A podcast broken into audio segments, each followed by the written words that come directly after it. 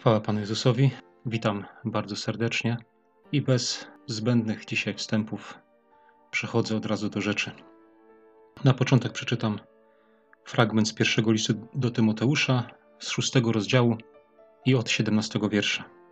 Bogaczom tego świata nakazuj, ażeby się nie wynosili i nie pokładali nadziei w niepewnym bogactwie, lecz w Bogu, który nam ku używaniu wszystkiego obficie udziela ażeby dobrze czynili, bogacili się w dobre uczynki, byli hojni i chętnie dzielili się z innymi, gromadząc sobie skarb jako dobry fundament na przyszłość, aby dostąpić żywota prawdziwego.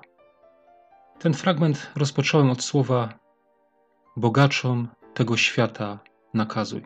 Ja myślę konkretnie, że tu nie chodzi o bogaczy tego świata, bo to jest list, który treść miała być skierowana do wierzących, tak? Bo e, dlaczego by Tymoteusz miał nakazywać ludziom tego świata, e, bogatym, co mają robić, nie? Jakie on miał nad nimi panowanie, jaką miał władzę? To raczej powinno być napisane, że bogatym tym świecie, tak? Czyli no tym po prostu, którzy są bogaci, ale w rzeczy tego świata, tak? Czyli w jakieś zasoby, w majątności, w pieniądze. To im miał i, i, i w kościele, tak? Czyli wierzących, bogatych w te dobra materialne, ziemskie, światowe. Kto to jest bogacz? Nie wiem, jak tutaj czytamy, bogaczom tego świata nakazuj. To co nam przychodzi na myśl? Jakie, jakie mamy skojarzenia ze słowem bogacz? Kto, kto naszym zdaniem to jest bogacz? Kto to jest bogacz? Może, nie wiem, myślimy o jakichś, nie wiem, biznesmenach, ludziach bardzo, bardzo bogatych, którzy mają domy, kilka samochodów, wille, jak jacyś, nie wiem, Rockefellerowie, Rothschildowie, ludzie bardzo, bardzo bogaci. Na pewno w otoczeniu każdego z nas gdzieś są tacy ludzie, czy w sąsiedztwie, czy gdzieś, nie wiem, gdzieś przechodzimy, mijamy jakieś piękne domy, budynki, zabudowania. Mamy szefów, prezesów firm różnych, którzy jeżdżą jakimiś luksusowymi samochodami, mają dużo pieniędzy, są bogatymi. Wiecie, gdyby to słowo było skierowane do takich ludzi, to ja myślę, że w społecznościach wierzących też no są, są tacy ludzie, tak bywają, ale, ale jest ich chyba niewielu. Bogacz, bogaty, to ja bym powiedział, jest ktoś, kto ma więcej niż potrzebuje. Ktoś, kto ma więcej niż zużywa, ktoś, komu zostaje zawsze. Ja bym tak powiedział, ja bym tak określił bogatego. I ja myślę, że właśnie e, w naszej chrześcijańskiej perspektywie powinniśmy tak na to spojrzeć, że to jest człowiek bogaty. Czy chcesz, czy nie chcesz. Jeśli masz więcej niż ci potrzeba, to jesteś bogaty. Nie wiem, czy to dla ciebie dobra wiadomość, czy zła. Jeśli masz więcej niż ci potrzeba, jesteś e, w tej, w tej grupie ludzi, którzy są bogatymi. Bo to nie jest mowa o milionerach, o miliarderach. Tu jest mowa po prostu o ludziach, którzy mają dobra ziemskie. I to jest bardzo ważne, bo, bo gdybyśmy, wiecie, patrzyli tylko, tak jak wcześniej mówiłem, z takiej perspektywy bo, kogoś bogatego, że, że to jest ktoś taki bardzo zasobny, tak? tak jak ja mówiłem wcześniej, tak? czy jakieś tam prezesi i tak dalej, biznesmeni, politycy, bankierzy i tak dalej to moglibyśmy powiedzieć, że to słowo e, nie kieruje się do nas, bo my nie jesteśmy takimi bogaczami.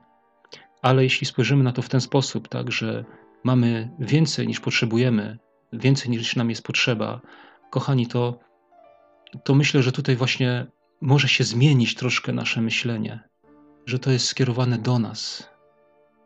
I gdybym to przeczytał w taki sposób, tym, którzy mają więcej niż im potrzeba, w dobrach materialnych tego świata, tego ziemskiego życia. Nakazuj, ażeby się nie wynosili i nie pokładali nadziei w tym, w tym bogactwie, lecz w Bogu, który nam ku używaniu wszystkiego obficie udziela.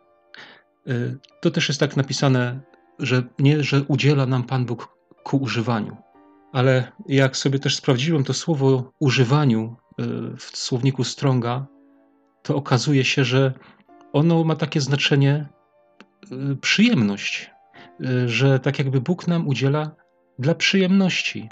I w dzisiejszych czasach, wiecie, ja wam powiem, jest to dosyć takie niebezpieczne, e, bo naprawdę w przyjemnościach można się zatracić. Bo wiadomo, że jeżeli mamy dobra jakieś materialne, mamy pieniądze i, i zaczynamy z nich korzystać e, tak jakby dla nas samych, nie? że po to, żeby właśnie nam sprawiały przyjemność, to można się w tym zatracić. Nie? Potem można myśleć tylko, e, nasze życie może się tylko toczyć potem wokół tych przyjemności. Czy to gdzieś sobie wycieczkę zrobić, czy to, e, prawda, gdzieś e, no jakoś sobie dogodzić w jakiś sposób za te właśnie pieniądze. Ja bym chciał bardzo, wierzę, że Pan Bóg też, żeby przyjemność sprawiało nam w tym wszystkim też pomaganie innym. Wiecie, ja nie chcę tutaj y, na przykład, ja nie chcę e, tutaj, żeby być źle zrozumianym. E, ja nie jestem przeciwnikiem tego, żeby sobie gdzieś pojechać, tak? czy żeby w jakiś sposób e, sobie sprawić przyjemność też za te pieniądze. To nie o to mi chodzi. Ale chodzi mi o to, żeby w tym wszystkim widzieć też kogoś innego, nie? żeby się nie zatracić. A w dzisiejszych czasach, wiecie, my żyjemy w, pod tym względem żyjemy w trudnych czasach. Ja już kiedyś sobie tak myślałem i, i nieraz jak z kimś rozmawiałem, to to mówiłem, że wiecie, że y, są miejsca, gdzie są chrześcijanie prześladowani y, i, i naprawdę mają ciężkie życie, y, że są w takim ciągłym zagrożeniu, w jakimś ciągłym niebezpieczeństwie, ale my tutaj w świecie zachodnim też jesteśmy w niebezpieczeństwie, jesteśmy w zagrożeniu i my może słabo to zagrożenie dostrzegamy, a tym zagrożeniem, drodzy, właśnie jest dobrobyt. Dobrobyt, który też po prostu nas znieczula, prowadzi nas do egoizmu, do, do takiego życia dla samych siebie. I mamy tutaj takie napomnienie, prawda? Dla tych bogaczy, dla tych, którzy mają więcej niż im potrzeba. Ja myślę, kochani, że jest nas naprawdę wiele takich, którzy mają więcej niż im potrzeba. Bo są dwa rodzaje ludzi, tak? Jedni są tacy, którzy naprawdę żyją z dnia na dzień, ledwo im starcza, albo E, albo muszą sobie wiele rzeczy odmawiać, nie? A są tacy, którzy żyją w taki normalny sposób, nie muszą się troszczyć o ten byt, bo po prostu mają, czy to przez swój zarobek, pracę, dobrze zarabiam, wystarczy mi na utrzymanie mieszkania, spokojnie mogę sobie żyć, mogę sobie coś tam nawet odłożyć, tak? Mam więcej niż mi potrzeba. Patrzcie, i, i do tych słów jest tak napisane właśnie, ażeby dobrze czynili. Nie? Żeby nie pokładali nadziei w tym bogactwie, bo to jest niepewne bogactwo. Wiecie, dzisiaj ono jest, tak, a jutro coś się wydarzy i twoje konto w banku okaże się, że już nie jest twoje, to co masz na koncie, że to już bank ci zabrał, bo jakiś kryzys, bo coś tam, coś tam, nie? A poza tym mogą przyjść takie, takie mm, sytuacje w życiu, e, że po prostu nawet jak masz pieniądze, to nie będziesz w stanie e, nic za to kupić, bo po prostu nie będzie, nie będzie takiej możliwości. Albo będą po prostu niewiele warte. Wiecie, przypomina mi się tutaj taka scena z filmu Pianista, jak e, za jedną krówkę e, zapłacili 25 zł, prawda, czy 20 zł, musieli ją podzielić na, na 5 osób. Za jedną krówkę, za jednego cukierka, nie? wiecie, no i co, i co z tych pieniędzy? Nie? I co tutaj czytamy? Ażeby dobrze czynili, bogacili się w dobre uczynki, byli hojni i chętnie dzielili się z innymi. Nie takie zalecenie do tych, którzy mają więcej niż im potrzeba. Wiecie, to jest, to, to jest ściśle związane, tak? Bo jak Pan Jezus mówi, gdzie jest skarb Twój, tam jest i serce Twoje. I wiecie, jeżeli człowiek żyje z taką tą nadzieją i ufnością, pokłada tą nadzieję w Bogu, a nie w tym bogactwie, tak jak tu jest napisane, to nie będzie się starał za wszelką cenę zabezpieczyć sobie tego bytu na przyszłość e, tymi dobrami ziemskimi, tymi dobrami materialnymi, tak?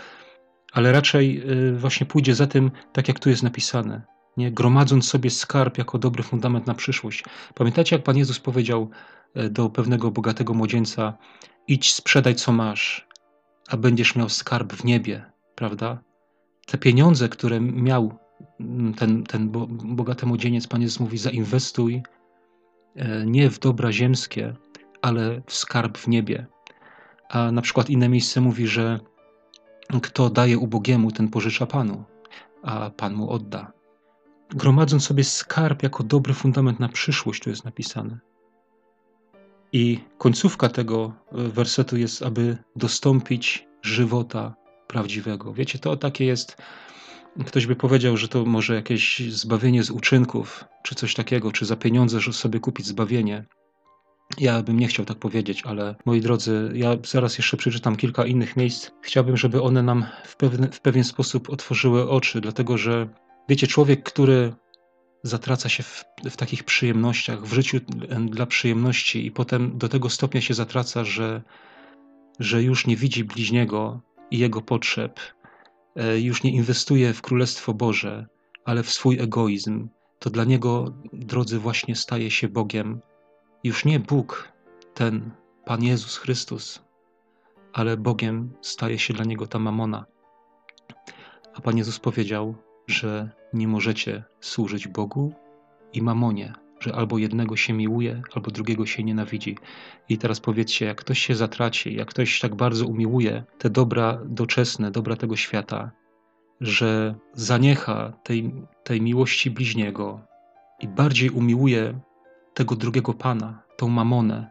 Powiedzcie, czy, czy on trafi do nieba? W tym jest takie duże ryzyko i, i takie niebezpieczeństwo, i dlatego, dlatego też chcę to poruszyć i, i o tym chcę powiedzieć, żebyśmy po prostu byli czujnymi. Tak? Niech to dzisiejsze nagranie będzie dla nas takim ostrzeżeniem i drogowskazem, że, żeby nie po prostu nie zamykać serca przed bliźnim, przed kimś drugim, potrzebującym, Kochani, to co tutaj przeczytałem, ten fragment z listu do Tymoteusza, wiecie, on jest też napisany w Ewangelii Łukasza w XVI rozdziale. I ja tak mówię, że on jest napisany, to taka trochę przenośnia, tak, bo, ale on dokładnie mówi o tym samym. Jest troszkę inaczej napisany, ale mówi dokładnie o tym samym. I trochę nam to naświetla i trochę nam to pokazuje w taki inny sposób. Przeczytam teraz. Ewangelia Łukasza, 16 e, rozdział od 19 wersetu. A był pewien człowiek bogaty, który się przyodziewał w szkarłatne szaty i kosztowne tkaniny i co dzień wystawnie ucztował. Był też pewien żebrak imieniem Łazarz, który leżał u jego wrót owrzodziały i pragnął nasycić się odpadkami ze stołu bogacza, a tymczasem psy przychodziły i lizały jego rany. I stało się, że umarł żebrak i zanieśli go aniołowie na łono Abrahama. Umarł też bogacz i został pochowany. A gdy w krainie umarłych cierpiał męki i podniósł oczy swoje, ujrzał z daleka Abrahama i Łazarza na jego łonie. Wtedy zawołał i rzekł: Ojcze Abrahamie, zmiłuj się nade mną i poślij Łazarza, aby umoczył koniec palca swego w wodzie i ochłodził mi język, bo męki cierpię w tym płomieniu. Abraham zaś rzekł: Synu, Pomnij, że dobro swoje otrzymałeś za swego życia, podobnie jak łazarz zło. Teraz on tutaj doznaje pociechy, a ty męki cierpisz. Myślę, że do tego miejsca wystarczy. Powiedzcie, czy, czy to nie mówi o tym samym? Dla mnie to jest ten sam, ten sam fragment, dla mnie to jest to samo miejsce. Był człowiek bogaty, który się przyodziewał w szkarłatne szaty i kosztowne tkaniny i co dzień wystawnie ucztował. Bogaty, ten, który we wszystko opływa, e, w dobra tego świata, ma więcej niż potrzebuje. Zobaczcie, on się nie musi troszyć o ubranie, w co by się miał ubrać. On miał, mógł się przyodziewać codziennie w jakieś inne szaty, miał kosztowne szaty, tak? Nie musiał się troszyć o swoje ubrania. Codziennie wystawnie ucztował. Powiedzcie, no tak, kto z nas, y, no oczywiście są tacy ludzie, ale do nich zaraz przejdę, nie? Ale większość, uważam, z nas no nie musi się troszyć za bardzo o ubrania. Tak? Otwierasz szafę i masz ciuchy, możesz się codziennie ubrać w coś innego. Nie musisz się troszczyć o pożywienie, po prostu je masz. Otwierasz lodówkę, masz tam jedzenie, możesz wybierać to, tamto, nie? E, wiecie, idziesz do sklepu i wybierasz sobie, co chcesz kupić do jedzenia. Czy to chcesz kupić, czy tamto, czy na, kupujesz na co masz ochotę, na co masz smak, nie? Przychodzi ci smak na to, to sobie kupujesz to. Ale zobaczcie, tutaj pisze, był też pewien żebrak imieniem Łazarz, który leżał u jego wrót owrzodziały i pragnął nasycić się odpadkami ze stołu bogacza. Wiecie, są wokół nas ludzie, w naszych społecznościach nawet bym powiedział, są ludzie, którzy chcieliby mieć odrobinę tego, co my mamy, którzy chcieliby się nie troszczyć o to, co będą jeść, o to, jak zapłacą swoje rachunki, o to, jak utrzymają swój dom. Są tacy ludzie. Łazarz leżał u jego wrót, tego bogacza, i ten bogacz go widział. Może codziennie przechodził obok niego i nie zwracał na niego uwagi.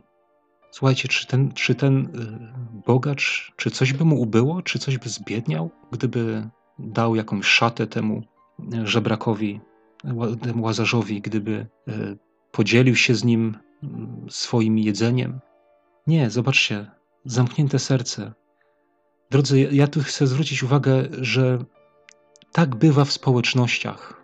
Niestety, ale tak bywa w zborach ludzi wierzących, w społecznościach. Tak jest. Są ludzie, którzy, którym nie brak niczego, którzy mają więcej niż im potrzeba, i są tacy jak łazarz, którzy chcieliby mieć odrobinę tego, co mają tamci, bo mają niedostatek. I zobaczcie, w tym fragmencie do Tymoteusza ja przeczytałem, tam jest napisane, że te bogacze, żeby się nie wynosili, tam jest napisane, nie? żeby się nie wynosili. I wiecie, często jest taka postawa dzisiaj ludzi, że wynoszą się nad tymi, którzy są ta, takimi jak ten łazarz.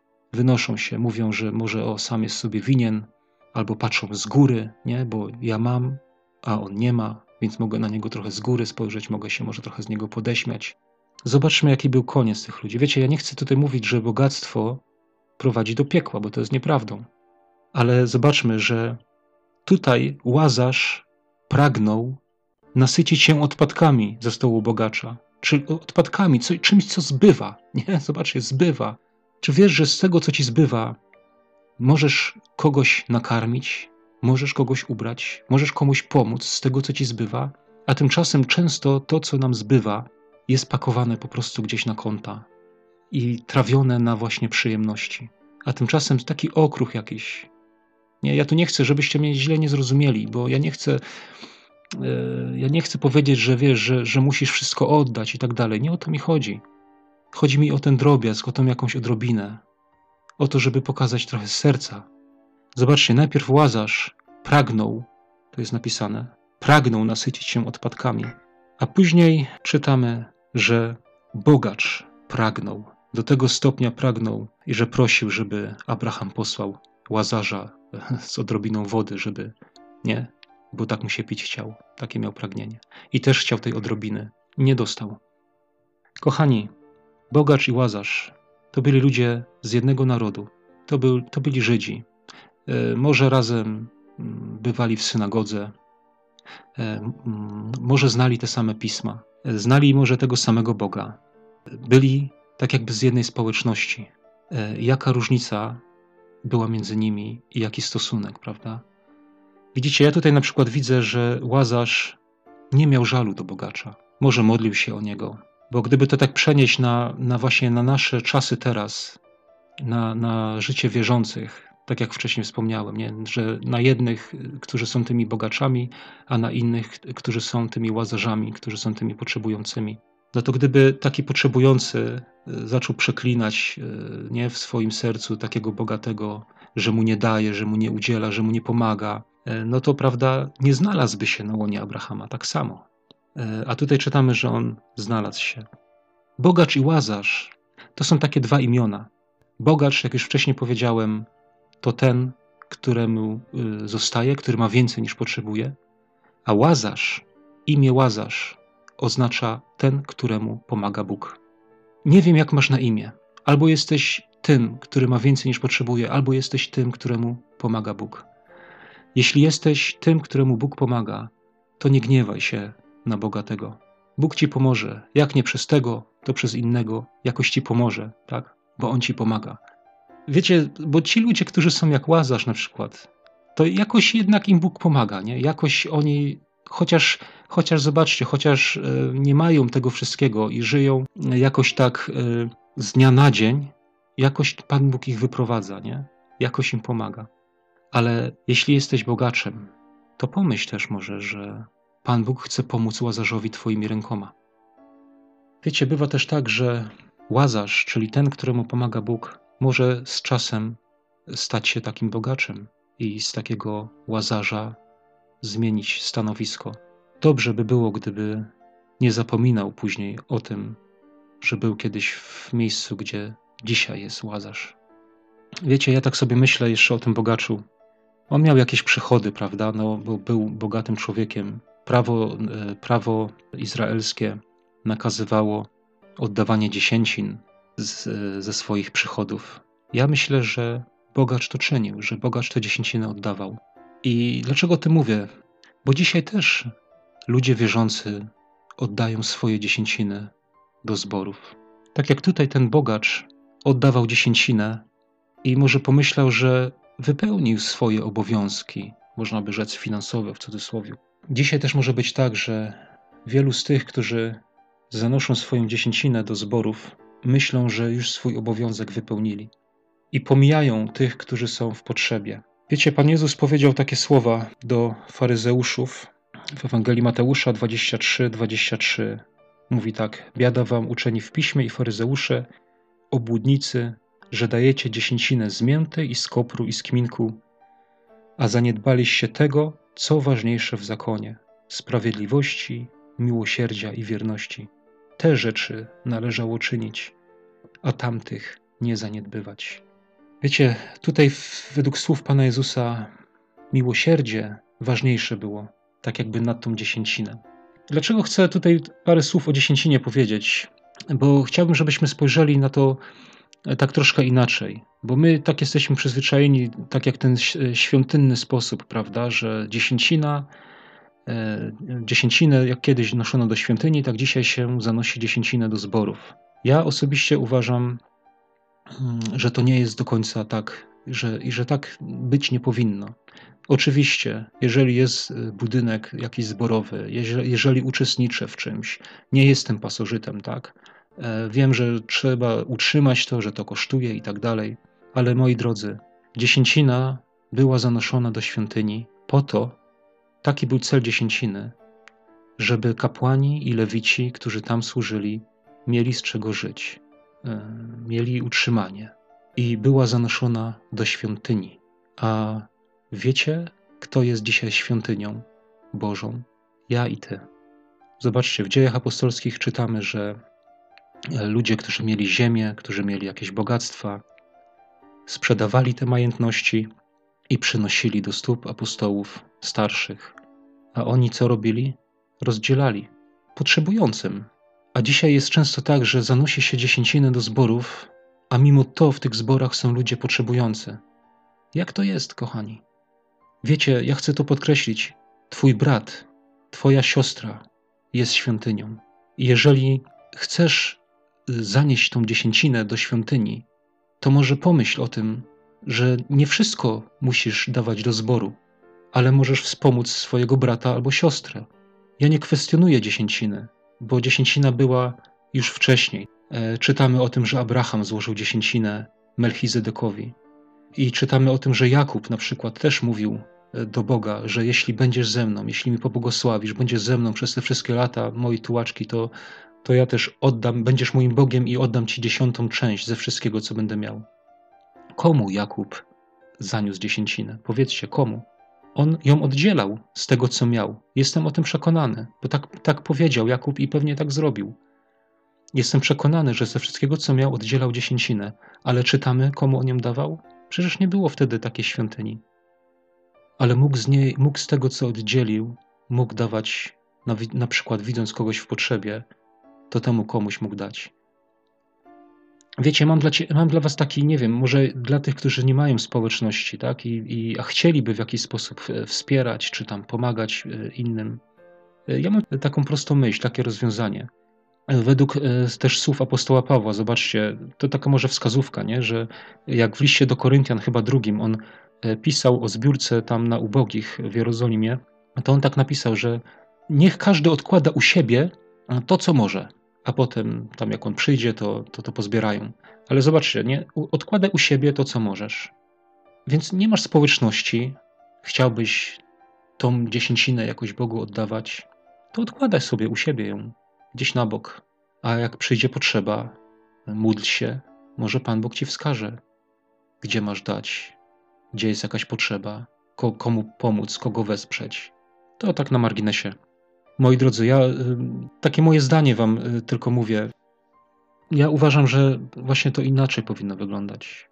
Że to nie tak, że po prostu zbory są i, i zanosi się tam, ludzie zanoszą tam dziesięcinę.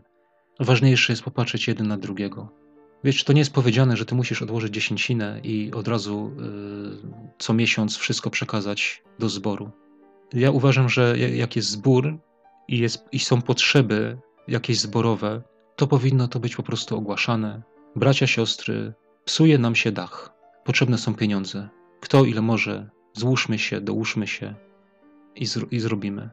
Nie wiem, może się mylę, ale, ale ja uważam, że, że tak być powinno.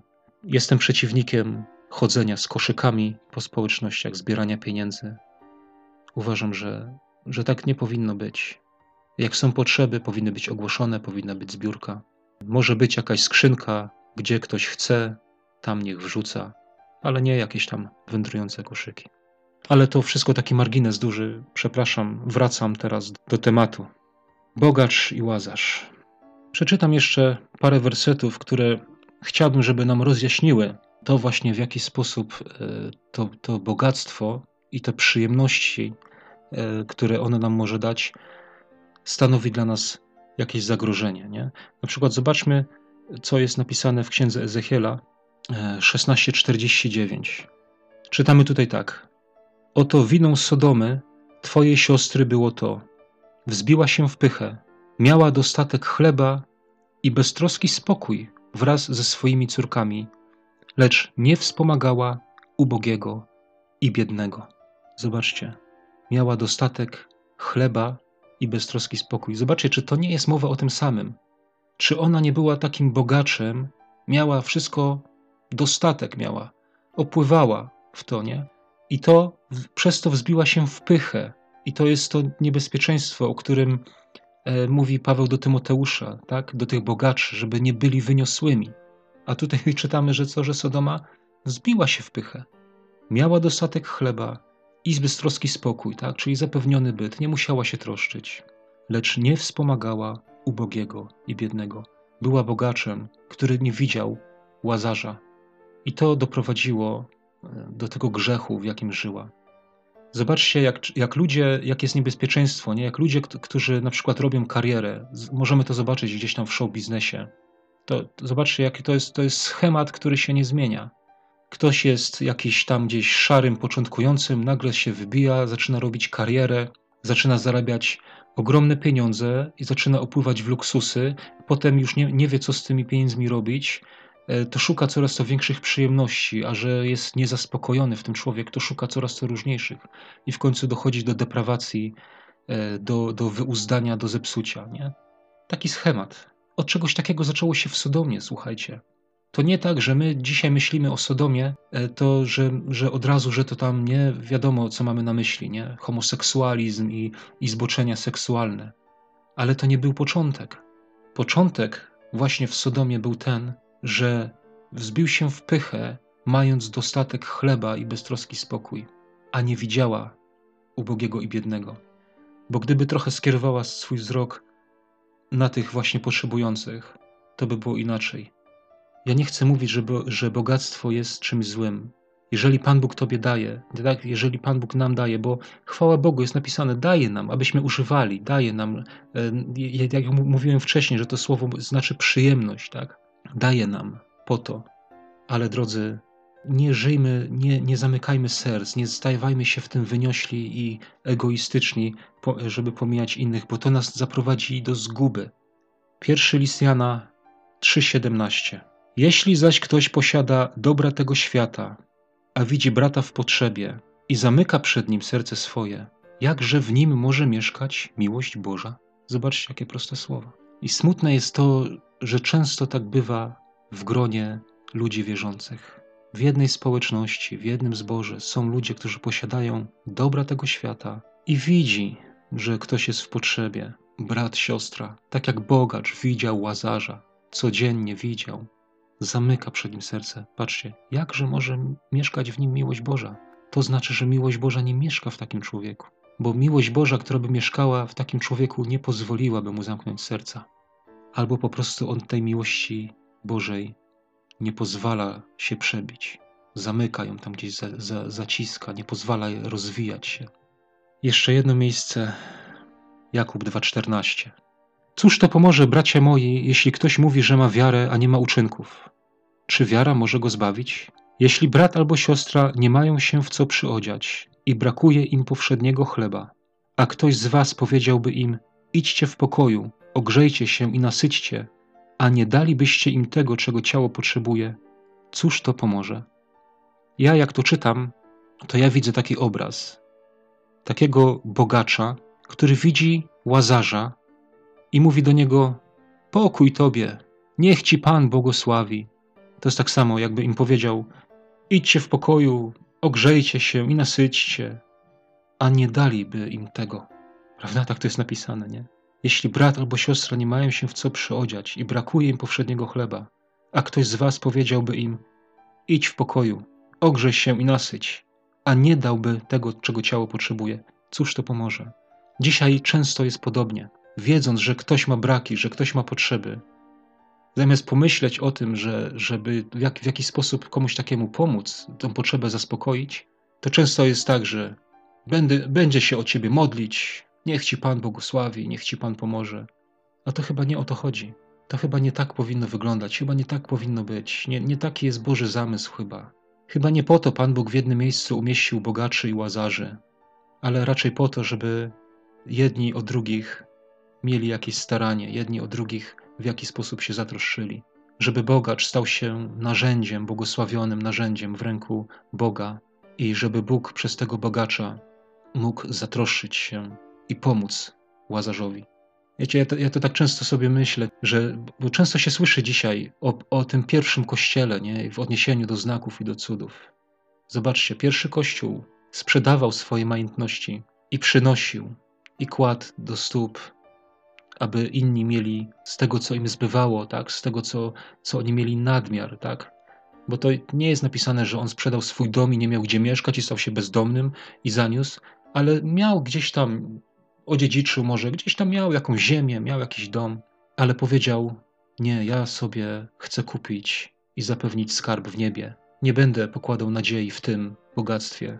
Wezmę to, sprzedam, wspomogę ubogiego, wspomogę potrzebującego, mojego brata, moją siostrę, pomogę im, będę miał skarb w niebie. Tak robi pierwszy Kościół. Pisze o tym w dziejach apostolskich. Pomyślmy o tym, kochani. Na zakończenie jeszcze przeczytam fragment z 16 też rozdziału Ewangelii Łukasza. To jest fragment poprzedza tą przypowieść o bogaczu i łazarzu. To jest historia o tym nieuczciwym zarządcy. Zachęcam, przeczytajcie sobie od pierwszego wersetu, jeżeli nie znacie. Ja już nie będę całego czytał, ale zobaczcie, co tu jest napisane. E, od dziewiątego wersetu, jak Pan Jezus mówi. I ja wam powiadam, zyskujcie sobie przyjaciół mamoną niesprawiedliwości, aby gdy się skończy, przyjęli was do wiecznych przybytków. Wiecie, te fragmenty, one dla mnie to są takie znaki ostrzegawcze i dzielę się z wami tymi znakami ostrzegawczymi. Jeżeli zatracisz się sam w sobie, nie będziesz baczył na potrzebującego brata, siostrę, to te fragmenty, które czytam, one mówią mi, że możesz nie dojść tam, gdzie myślisz, że idziesz. Kto jest wierny w najmniejszej sprawie i wielkie jest wierny, a kto w najmniejszej jest niesprawiedliwy i wielkie jest niesprawiedliwy. Jeśli więc w niesprawiedliwej mamonie nie byliście wierni, któż wam powierzy prawdziwą wartość? A jeśli nie byliście wierni w sprawie cudzej, któż wam poruszy rzecz własną? Żaden sługa nie może dwom panom służyć, gdyż albo jednego nienawidzieć będzie, a drugiego miłować, albo jednego trzymać się będzie, a drugim pogardzi. Nie możecie Bogu służyć i mamonie. Na tym kończę Niech nam Pan pomoże każdemu wyciągnąć e, właściwe wnioski. Życzę wszystkim błogosławieństwa Bożego, mądrości, prowadzenia. Niech nas Pan przemienia. Jeśli jesteśmy bogaczami, to bądźmy takimi dobrymi bogaczami, tymi, którzy są tymi narzędziami w Bożym ręku, żeby pomóc łazarzom, czyli tym, którym pomaga Pan. Bądźmy współpomocnikami, współpracownikami Bożymi we wszystkim. Amen.